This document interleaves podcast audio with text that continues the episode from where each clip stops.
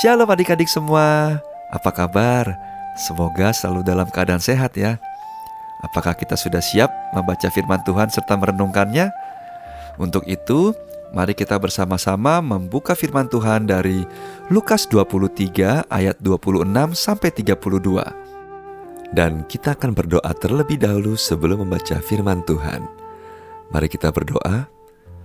Terima kasih Bapa yang di surga, kami sungguh bersyukur Tuhan, kami bisa berkumpul dari tempat kami masing-masing untuk kembali membaca firman-Mu dan merenungkan firman-Mu Tuhan. Tuntun kami untuk mengerti dan memahami firman-Mu dan kami juga mampu untuk melakukannya dalam kehidupan kami masing-masing. Terima kasih Tuhan Yesus. Haleluya. Amin. Renungan hari ini berjudul Tuhan Yesus menderita.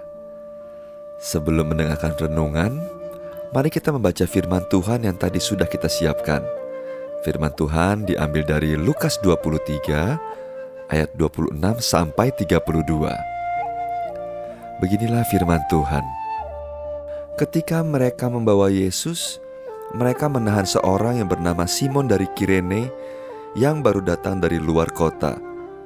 Lalu diletakkan salib itu di atas bahunya supaya dipikulnya sambil mengikuti Yesus.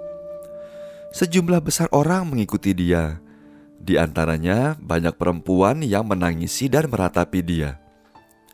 Yesus berpaling kepada mereka dan berkata, "Hai puteri-puteri Yerusalem, janganlah kamu menangisi aku, melainkan tangisilah dirimu sendiri dan anak-anakmu. Sebab lihat, akan tiba masanya orang berkata, Berbahagialah perempuan mandul dan yang rahimnya tidak pernah melahirkan, dan yang susunya tidak pernah menyusui. Maka orang akan mulai berkata kepada gunung-gunung, Runtuhlah menimpa kami, dan kepada bukit-bukit, timbunilah kami. Sebab jikalau orang berbuat demikian dengan kayu hidup, apakah yang akan terjadi dengan kayu kering?' Dan ada juga digiring dua orang lain, yaitu dua penjahat untuk dihukum mati bersama-sama dengan dia.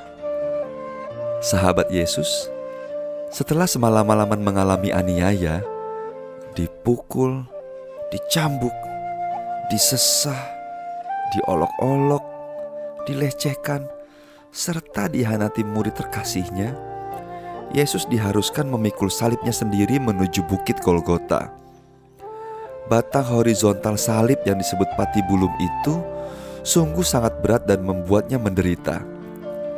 Apalagi sehabis mengalami penderitaan fisik karena dianiaya.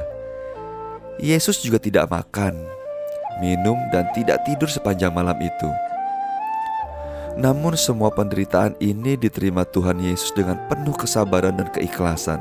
Bisa kita pahami kalau Tuhan Yesus sering tersungkur di jalan karena beratnya penderitaan fisik dan batin saat memikul salib yang berat itu. Beberapa prajurit merasa kasihan kepada Tuhan Yesus. Tentara itu pun memperhatikan kesulitan Yesus. Mereka yang tidak ingin tugasnya terhambat dan memerintahkan Simon dari Kirene untuk memanggulkan salib Tuhan Yesus itu.